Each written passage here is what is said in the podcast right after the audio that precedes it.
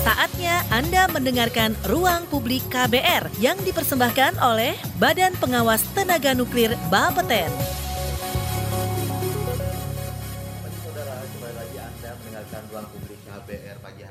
Dari pukul 9 hingga Masih pukul Anda 10 dengarkan selama Ruang 60 menit ke depan. KBR yang dipersembahkan Kan oleh bersama-sama saya Rizal Wijaya yang pagi ini bersiaran langsung dari kantor Bapeten, Badan Pengawas Tenaga Nuklir. Karena hari ini kita akan membahas mengenai aspek penegakan hukum dalam pemanfaatan tenaga nuklir dan tentunya ini merupakan persembahan dari Badan Pengawas Tenaga Nuklir Bapeten. Baik, hingga saat ini pemanfaatan tenaga nuklir di berbagai bidang semakin bertambah. Seiring dengan pertumbuhan ini tentunya harus diikuti dengan aspek pengawasan yang ketat agar pekerja, masyarakat, dan lingkungan tidak terkena dampak negatif akibat pemanfaatan tenaga nuklir yang tidak sesuai dengan peraturan dan perundang-undangan. Nah, pagi ini kita akan berbincang soal ini bersama Badan Pengawas Tenaga Nuklir Bapeten yang diberi kewenangan untuk mengawasi pemanfaatan tenaga nuklir di Indonesia. Ingin tahu lebih dalam soal kan saya tidak sendirian karena Bapak Hendrianto Hadi Cahyono, Sekretaris Utama Bapeten. Selamat pagi, saya sapa terlebih dahulu Bapak Dudit. Saya panggil Bapak Dudit Baik. karena familiar Bapak Dudit dipanggilnya Pak. Ya. Baik. Dan kemudian tamu kedua kita adalah Bapak Indra Gunawan selaku Kepala Bagian Hukum Biro Hukum Kerjasama dan Komunikasi Publik Bapeten. Selamat pagi Selamat pagi. Pak Indra. Baiklah dan eh, semuanya sehat ya Pak ya, semangat ya Pak ya. Iya. Pagi ini ya sudah sampai kantor dari pagi tadi untuk untuk eh, talk show pagi hari ini khusus Enggak, spesial untuk- pendengar supaya kita. Pagi-pagi supaya nggak macet. Baik, dan eh, Pak, Bapak Dudit terlebih dahulu ke Pak Hendrianto Hadi Cahyono. Sebelumnya bisa dijelaskan terlebih dahulu. Ini mengenai Bapeten, Pak. Sebenarnya apa sih itu Bapeten? Barangkali masyarakat yang ada di yang tersebar di seluruh Nusantara ini ada yang belum paham benar. Kemudian eh, berdirinya Bapeten ini apa sih yang melatar belakangi? Bisa dijelaskan, silakan. Baik, eh, jadi kalau kita bicara sebelum kita bicara masalah Bapeten itu mungkin mengapa perlu ada Bapeten itu mula-mula karena adalah pemanfaatan tenaga nuklir di Indonesia. Jadi memang mungkin sejak tahun era 50-an kita sudah mulai banyak pemanfaatan tenaga nuklir khususnya di bidang medis di rumah sakit-rumah sakit.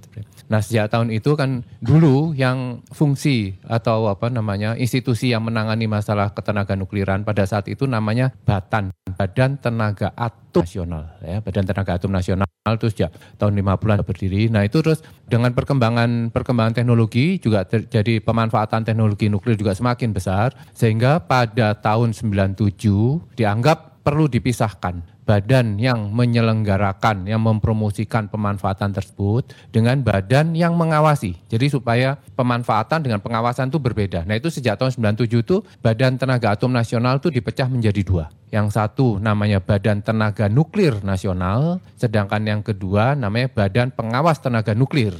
Nah Badan Pengawas Tenaga Nuklir itulah yang namanya Bapeten. Jadi beda ya dua hal yang berbeda Ya. Eh, antara Batan dan Bapeten. Betul. Jadi Batan itu bersifat untuk lead bank untuk mempromosikan pemanfaatan tenaga nuklir, sedangkan Bapeten ini untuk mengawasi pemanfaatan. Karena pemanfaatan kan semakin banyak. Jadi tidak hanya Batan saja memanfaatkan itu banyak sekali. Nanti bisa kita punya datanya. Nah, pemanfaatan-pemanfaatan tersebut kan memang harus diawasi. Nah, oleh karena itu sejak tahun 97 ada dibentuk lembaga pemerintah non kementerian. Jadi kami ini LPNK langsung berada LPNK itu langsung berada di bawah eh, presiden. Jadi kepala Bapeten bertanggung jawab langsung kepada Bapeten itu dengan tugas utamanya yaitu melakukan pengawasan terhadap pemanfaatan tenaga nuklir itu.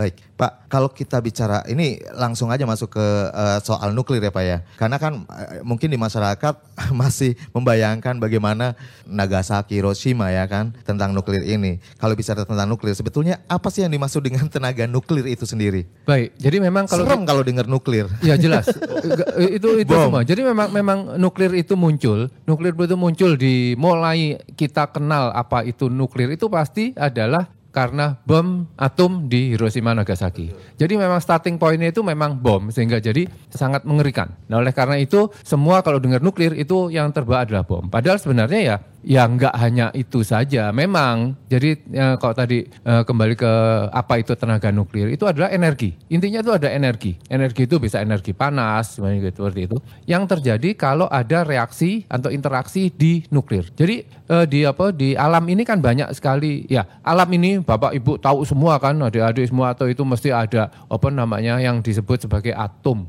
ya kan? Jadi semua jasad itu bagian terkecilnya itu adalah atom. Nah, di dalam atomnya itu sendiri itu ada yang disebut inti atom. Nah, inti atom itu yang orang eh, orang namai sebagai nuklir. Nah, kalau inti atom inti atom itu bereaksi, ya, jadi ada memang inti atom inti atom itu yang baik-baik saja, dia nggak bereaksi, nggak apa ya sudah, ya, air air mineral ini juga ada atom-atomnya kita minum, makanan semua juga ada atomnya kita makan nggak apa-apa. Tapi ada memang atom-atom atau inti-inti atom tertentu itu yang memang kalau direaksikan itu bisa menimbulkan energi. Ada dua hal di situ. Ada mungkin energi itu bisa menjadi energi panas yang luar biasa, ada energi itu berbentuk radiasi. Radiasi itu macam kayak pancaran, semacam cahaya itu juga juga radiasi ya. Jadi kalau dilihat apa itu energi nuklir atau ke tenaga nuklir ya yaitu. Jadi itu ada suatu energi yang dibebaskan kalau ada interaksi dari inti atom-inti atom yang suka nakal itu yang suka. Enggak semua inti atom ber, bisa bereaksi. Hanya inti atom-inti atom tertentu yang bisa menghasilkan energi. Energi kalau bisa energi panas, seperti contohnya itu yaitu yang bom-bom itu kan gitu interaksinya sehingga ada panas, panasnya luar biasa sehingga ngabisin satu kota itu dari energi yang tidak terkendali. Nah, dari energi nuklir ini kan tentu uh, apa namanya tadi kita berbicara soal pemanfaatannya. Nah, bisa dijelaskan nih di mana saja tenaga nuklir selama ini dimanfaatkan, Pak?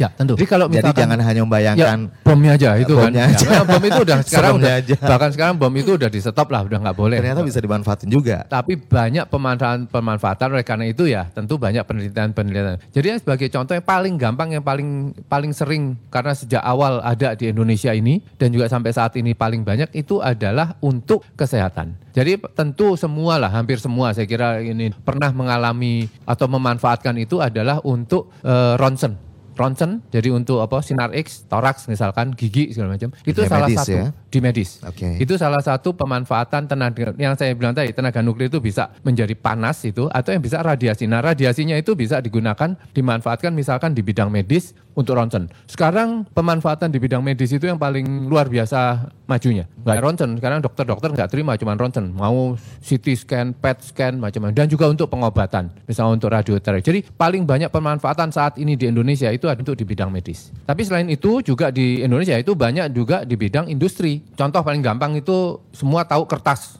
lembar kertas itu. Gimana cara ngukur tebal kertas itu? Bayangin kok harus ngukurin satu demi satu pakai mikrometer. Nah ini bisa menggunakan teknologi nuklir untuk pengukur kertas. Untuk NDT, non-destructive test. Untuk mengetahui kadar bahan. Jadi banyak sekali di industri itu juga pemanfaatan tenaga nuklir ini untuk bidang industri. Dan juga yang banyak sekali dimanfaatkan di luar sangat nampak sekali pemanfaatan tapi di Indonesia belum itu adalah untuk pembangkit listrik. Oke. Okay. Jadi negara-negara maju yang banyak-banyak penduduknya penuh-penuh penduduknya itu pasti sudah memanfaatkan tenaga nuklir untuk listrik. Contohnya cok sebutnya negara-negara maju, siapa? Amerika, Jepang, Prancis, Korea, Cina sekarang, Baik. India. Itu sekilas dari ya. pemanfaatan yang sudah dilakukan di Indonesia dan beberapa negara lain ya, ya Pak ya. betul. ya. Mungkin uh, nanti bisa ditambahkan tapi sekarang kita jeda terlebih dahulu okay. karena kita harus iklan. kita akan kembali lagi nanti nanti tetap di ruang publik KBR. Kita akan kembali setelah jeda berikut ini.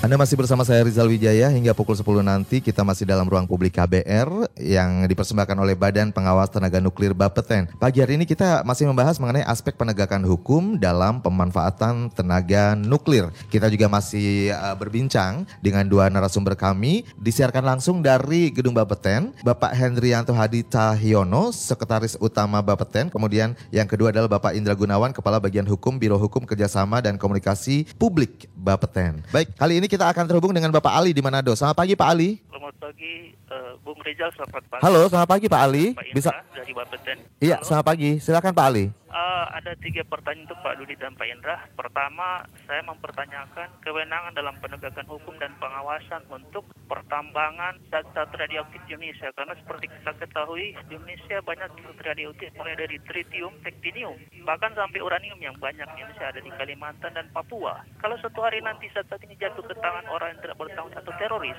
kira-kira bagaimana penegakan hukumnya? Itu satu. Kedua, jika kita pertanyakan penggunaan zat radioaktif ini untuk bidang medis dan pengolahan makanan. Kira-kira yang amannya itu berdasarkan hukum itu radiasinya berapa grey yang diperbolehkan berdasarkan hukum. Hukum terutama hukum internasional. Dan ketiga, jika suatu hari nanti kita tidak harap ada terjadi kebocoran emisi radiasi daripada zat radioaktif ini yang menyebabkan terjadinya reaksi mutagenik, karsinogenik, bahkan teratogenik terhadap makhluk hidup di samping fasilitasi uh, penggunaan tenaga nuklir ini, kira-kira siapa yang harus bertanggung jawab dan apa hukumannya? Terhadap reaksi-reaksi akibat radiasi uh, zat radioaktif seperti yang terjadi di Chernobyl maupun di Jepang beberapa tahun yang lalu. Itu saja Pak Dudit dan Pak Indra. Terima kasih dan selamat pagi. Terima kasih Bapak Ali di Manado. Luar biasa pertanyaannya ada tiga sekaligus. Dan uh, untuk yang pertama mau menjawab Bapak Dudit silakan.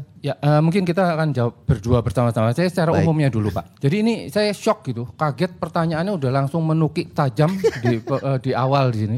Jadi pertama-tama memang Pak Ali terima kasih apa namanya atas atensi pertanyaannya. Jadi ini memang satu satu apa satu konsep di Bapeten terkait dengan keselamatan dan keamanan ya. Jadi memang Bapeten itu mempunyai fungsi untuk menjamin keselamatan dan keamanan terhadap pemanfaatan tenaga nuklir di Indonesia. Jadi tadi Pak Ali menyebut uh, beberapa pertanyaan yang aspek keamanan maupun keselamatan. Jadi memang nah itulah adanya Bapeten karena kami harus melakukan berbagai macam usaha untuk menjamin kegiatan-kegiatan pemanfaatan tersebut itu tidak menimbulkan dampak-dampak negatif dari aspek keamanan, seperti tadi Bapak jelas masalah ada teroris segala macam itu, dan juga masalah keselamatan. Misalkan tadi, misalkan bisa menjadi dampak-dampak ke kesehatan manusia. Nah, jadi memang kita sebenarnya nanti akan lebih panjang ini apa e, pembahasannya terkait dengan apa-apa aja langkah yang akan kita lakukan, apa-apa langkah yang sudah kita lakukan dan selalu kita lakukan berdasarkan ketentuan untuk mengatasi permasalahan atau membatasi atau mengantisipasi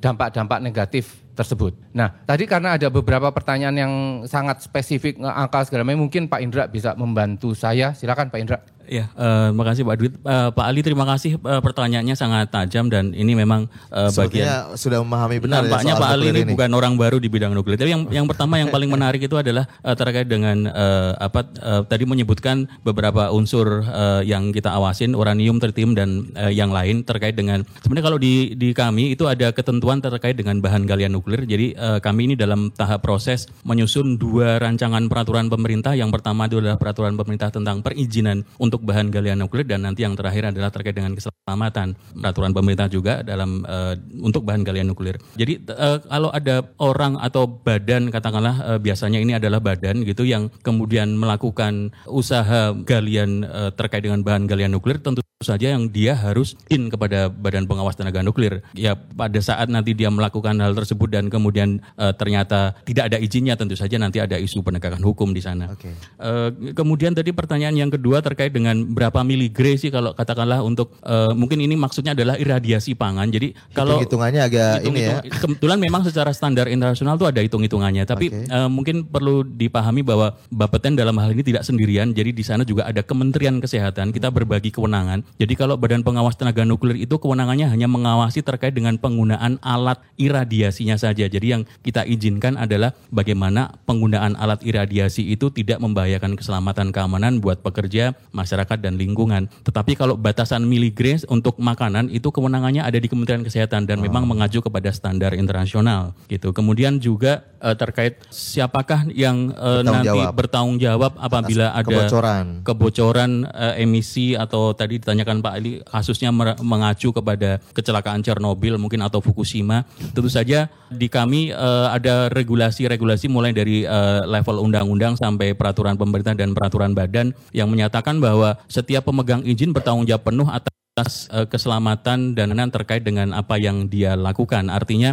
di sini Nanti kita akan lihat kecelakaan yang terjadi itu apa penyebabnya. Jadi nanti ada harus dievaluasi dulu dan segala macam. Tapi yang jelas pemegang izin itu mempunyai porsi yang paling utama setiap terjadi kecelakaan atau lepasan di luar batas yang diperkenankan oleh pengaturan dari Bapeten begitu mungkin sementara. Baik. Dan uh, disambung ada pertanyaan juga dari Tasya di Tangerang ini melalui WhatsApp. Apakah Indonesia sendiri sudah siap jika ada dampak negatif yang bisa ditimbulkan dari tenaga nuklir ini? Kekhawatiran masyarakat ini. Silakan Pak. Baik. Baik, tentu pemanfaatan tersebut ini nanti akan dijelaskan mungkin oleh Pak Indra bahwa Bapeten itu mempunyai fungsi moderasi, perizinan dan inspeksi. Jadi memang setiap pemanfaatan tidak bisa kita hanya misalkan kita mempunyai investor dan investor tersebut langsung me menyediakan peralatan yang bisa kita manfaatkan, peralatan nuklir yang bisa dimanfaatkan, hmm. itu tidak bisa langsung sekonyong-konyong kita beroperasi. Itu harus melalui tahapan-tahapan perizinan. Nah, saya sudah dapat izin pun, jadi kalau belum dapat izin nggak mungkin atau tidak boleh dia secara legal ber beroperasi. Jadi kesiapan infrastruktur kita untuk pemanfaatan tenaga nuklir saat ini ya memang sudah sudah siap untuk untuk teknologi kesiapan saat ini. Jadi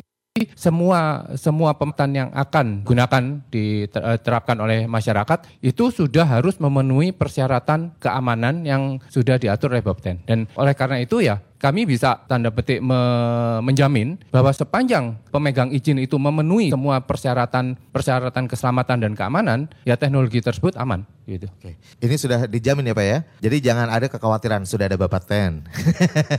Baik, bisa ditambahkan silakan Pak. Ya, saya tambahkan sedikit. Jadi ya, uh, pada prinsipnya kita punya ketentuan di peraturan pemerintah nomor 2 tahun 2014. Uh, eh, di sana ada ada terminologi kesiapsiagaan nuklir dan kedaruratan nuklir. Pada prinsipnya uh, kita sudah antisipasi pada saat ada pemanfaatan dan kemudian terjadi rilis itu kita membagi dalam tiga skala yaitu skala fasilitas, skala daerah dan skala nasional. Kita sudah punya sistem pemantauan dan sistem itu sekarang uh, melalui rancangan peraturan presiden yang digagas oleh uh, Badan Nasional Penanggulangan Bencana nanti akan terintegrasi secara nasional dan BNPB akan memegang peran penting di sana untuk melakukan uh, pengumuman uh, untuk early warning sistemnya begitu. Baik, dari tadi kita juga uh, sudah mendengar ada yang sudah WhatsApp, ada yang sudah telepon mengenai kekhawatiran uh, mengenai apa sih dampaknya gitu ya dari tenaga nuklir ini. Nah, boleh dijelaskan Pak Dudut mengenai nuklir yang sangat berbahaya ini seperti apa sih bahayanya? Okay. Tapi jangan dijawab dulu sekarang karena kita uh, di hold dulu.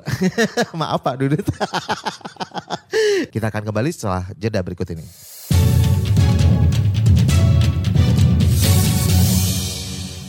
Hingga saat ini Anda masih bergabung di ruang publik KBR, masih disiarkan melalui 100 radio jaringan dari Aceh hingga Papua dan yang di Jakarta bisa dengarkan di 89,2 Power FM. Baik, sebelum kita terhubung dengan penelpon Ibu Tri dari Jakarta. Halo, selamat pagi Ibu Tri di Jakarta. Halo, selamat pagi.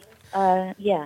Ibu Tri. Uh, saya ingin bertanya, kalau apakah sudah ada semacam penghitungan yang dilakukan oleh Bapeten terkait pembangunan pembangkit listrik tenaga nuklir misalnya. Lalu e, berapa pengeluaran yang harus dilakukan dibandingkan dengan misalnya e, pembangunan e, listrik tenaga surya misalnya. Itu satu. Siapa yang lebih harus mengeluarkan banyak uang. Kedua, faktor risiko ke depannya itu mana yang lebih kecil. Misalnya tenaga surya atau nuklir untuk misalnya 20-30 tahun ke depan. Itu saja pertanyaan saya. Terima kasih. Baik. Baik, Ibu Tri di Jakarta. Silakan bisa langsung dijawab. Kami masih bersama Bapak Hendrianto Hadi Cahyono, Sekretaris Utama Bapeten, dan Bapak Indra Gunawan, Kepala Bagian Hukum Biro Hukum Kerjasama dan Komunikasi Publik Bapeten. Silakan Pak. Baik, terima kasih Ibu Tri atas pertanyaannya. Jadi terkait dengan PLTN, memang itu menjadi isu hangat di Republik ini ya. Tapi, Tapi memang sudah ada rencana ya Pak ya? Ya, makanya ini saya sedikit cerita lah gitu ya. Jadi masalah PLTN itu memang menjadi menjadi opsi pembangkit uh, energi,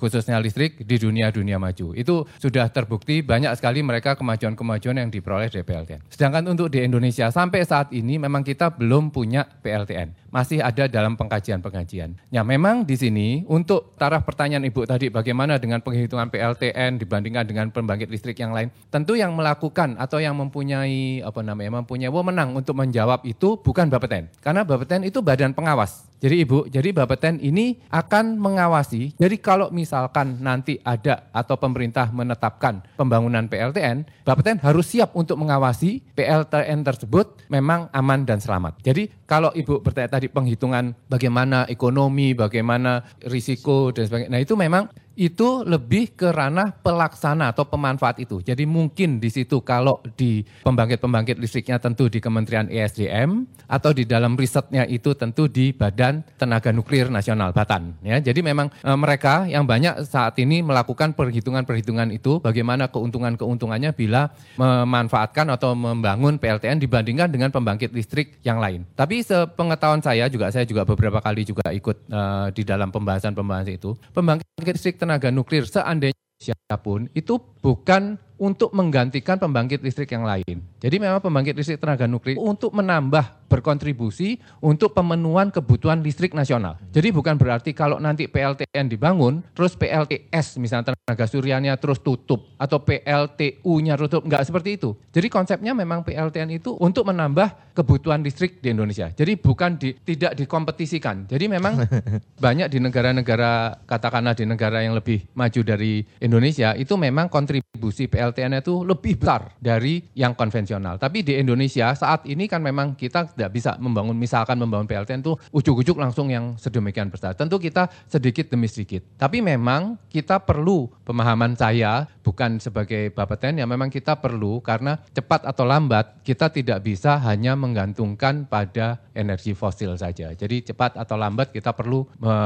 mengintroduksi PLTN di jaringan listrik Indonesia. Baik, untuk pertanyaan Ibu Fitri sudah terjawab, tapi sebenarnya itu adalah wewenang dari Batan ya, Batan atau SDM. Baik, dan sebelum kita berbicara soal uh, wewenang dari Bapeten sendiri ini soal perizinan lah, pengawasan lah, kita akan terhubung kembali dengan dari Jakarta kita ke Palembang. Ada Bapak Amanah. Selamat pagi Pak Amanah. Pagi juga. Langsung ke pertanyaan Pak. Saya mau nanya ini, ini apa tuh apa perbedaan PLTU dengan tenaga nuklir ini Pak dengan PTD Pak? Itu Pak. Baik, terima kasih. Perbedaan PLTU dan PLTN. Silakan, bisa dijawab. Silakan Pak. Baik, jadi e, perbedaan yang ya itu ceritanya panjang, teorinya panjang, tapi yang sederhana Pak. Kalau PLTU tenaga itu kan menggunakan batu bara. Batu bara itu dibakar sehingga dia menghasilkan panas yang luar biasa. Nah, panas yang dari batu bara tersebut itu untuk me mendidihkan air dan uap yang dari air tersebut itu akan memutar turbin.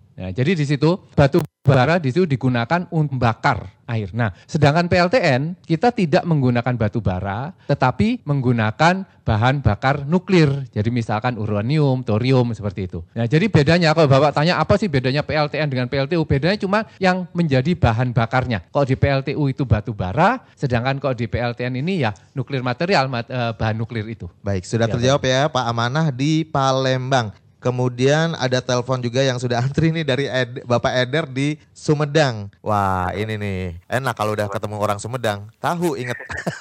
Selamat pagi Pak Eder. Ya, Pak, pagi pagi.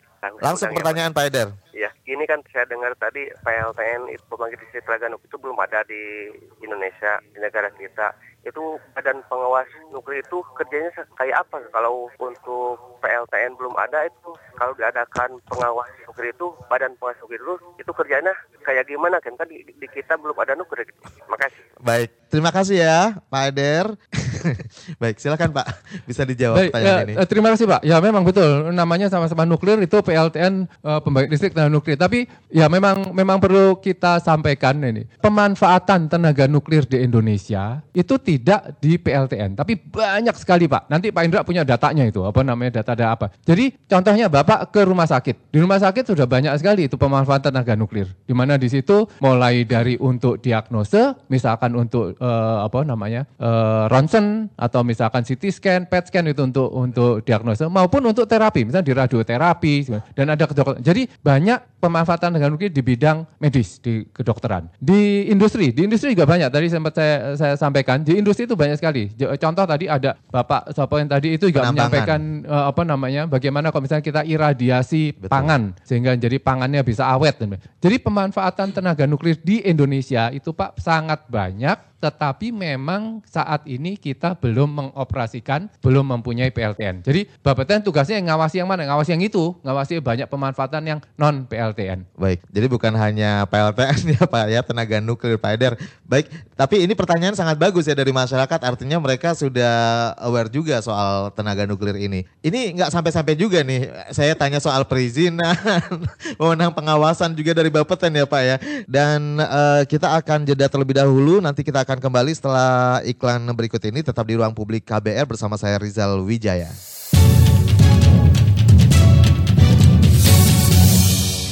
Ya, waktunya tidak lama lagi hingga pukul 10 Anda masih terus mendengarkan Ruang Publik KBR bersama saya Rizal Wijaya. Kita masih membahas mengenai aspek penegakan hukum dalam pemanfaatan tenaga nuklir.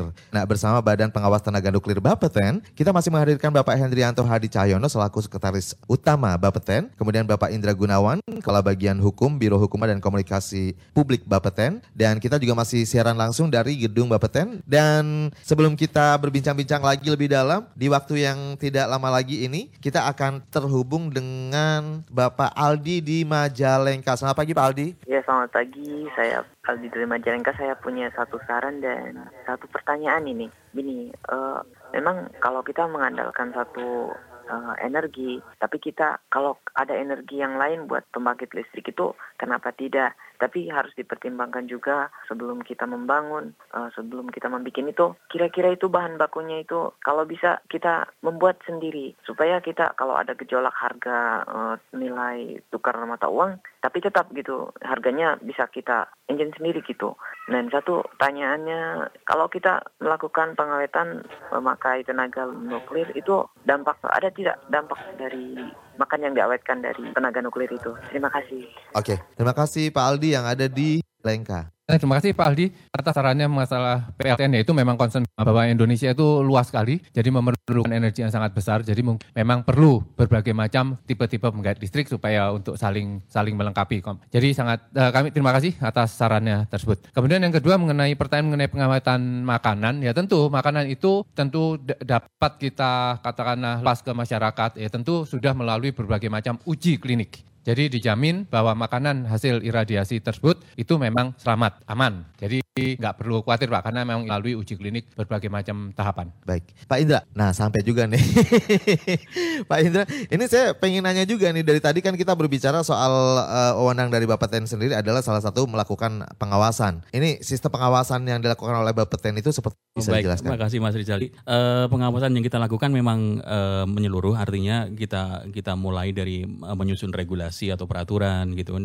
Karena bidang nuklir ini adalah bidang yang memang internasional artinya regulasi kita juga tentunya comply dengan standar-standar internasional yang terkini gitu. Uh, selain menyusun pengaturan tentunya kami juga menyelenggarakan layanan perizinan karena konsep perizinan itu secara hukum administratif sebenarnya adalah bahwa sebenarnya itu adalah suatu aktivitas atau kegiatan yang restriktif gitu yang dibatasin atau bahkan mungkin dilarang tapi apabila memang si pemohon itu mempunyai kemampuan dalam mengelola dan uh, lainnya tentunya itu uh, dia punya hak untuk diberikan izin uh, sehingga kita melakukan juga yang namanya layanan perizinan. Tetapi untuk mengetahui apakah dalam dia melakukan pengoperasian atau melakukan pelaksanaan aktivitas di bidang nuklir itu memang comply tidak dengan persyaratan keselamatan maupun keamanan, uh, kita juga melakukan uh, kegiatan yang namanya inspeksi gitu. Dalam inspeksi itu nanti kita akan ketahui apakah yang bersangkutan memang memenuhi uh, standar keselamatan dan keamanan sesuai dengan regulasi yang kita susun seperti itu. Baik, kalau berbicara soal perizinan, berapa data terakhir nih terbaru mungkin bisa diupdate untuk uh, perizinan yang sudah dikeluarkan oleh Bapeten? Uh, baik, jadi uh, izin yang dikeluarkan oleh Bapeten cukup banyak ya. Jadi uh, untuk sampai sekarang uh, tercatat sekitar 12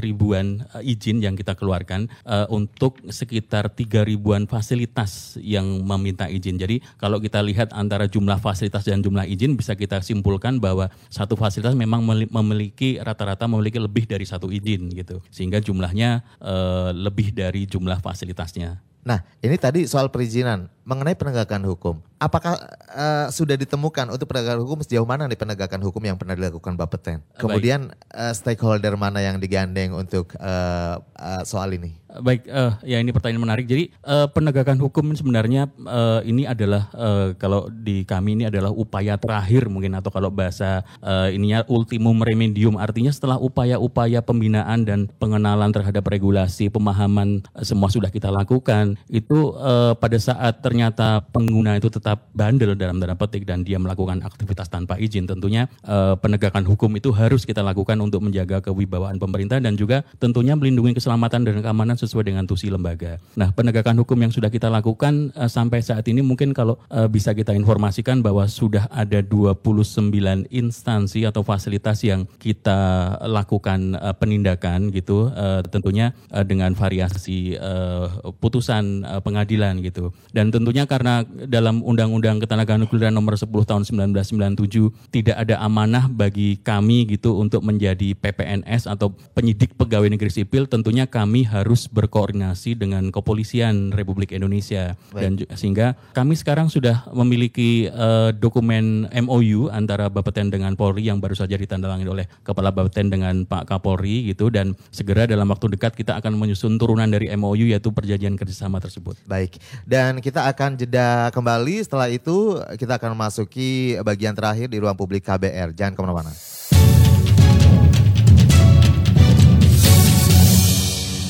Inilah bagian akhir ruang publik KBR bersama saya Rizal Wijaya bersama Badan Pengawas Tenaga Nuklir disiarkan langsung dari Gedung Bapeten ya dengan tema aspek penegakan hukum dalam pemanfaatan tenaga nuklir dan kita masih bersama Bapak Hendrianto Hadi Cahyono Sekretaris Utama Bapeten, kemudian Bapak Indra Gunawan Kepala Bagian Hukum Biro Hukum Kerjasama dan Komunikasi Publik Bapeten. Ya dan terima kasih sekali untuk yang sudah menelpon kami atau yang sudah bertanya melalui SMS dan WhatsApp ada banyak sebenarnya tapi belum dibaca, bisa dibacakan semuanya. Ini untuk Bapak Indra terlebih dahulu harapan atas kegiatan kegiatan penegakan hukum dalam pemanfaatan tenaga nuklir ini seperti apa sih? Singkat saja. Ya, baik Mas Rizal, uh, terima kasih. Jadi uh, pada prinsipnya ini adalah uh, informasi penegakan hukum ini supaya masyarakat sadar bahwa kegiatan-kegiatan yang mungkin tidak disadari ini ada kaitannya dengan isu keselamatan maupun keamanan yaitu di bidang kesehatan itu juga perlu izin. Artinya pada saat masyarakat sadar juga menjadi kontribusi juga bagi kami dalam melakukan penegakan hukum. Di luar itu mungkin kami juga berusaha dalam konteks penegakan hukum itu juga menumbuhkan budaya keselamatan maupun keamanan bagi para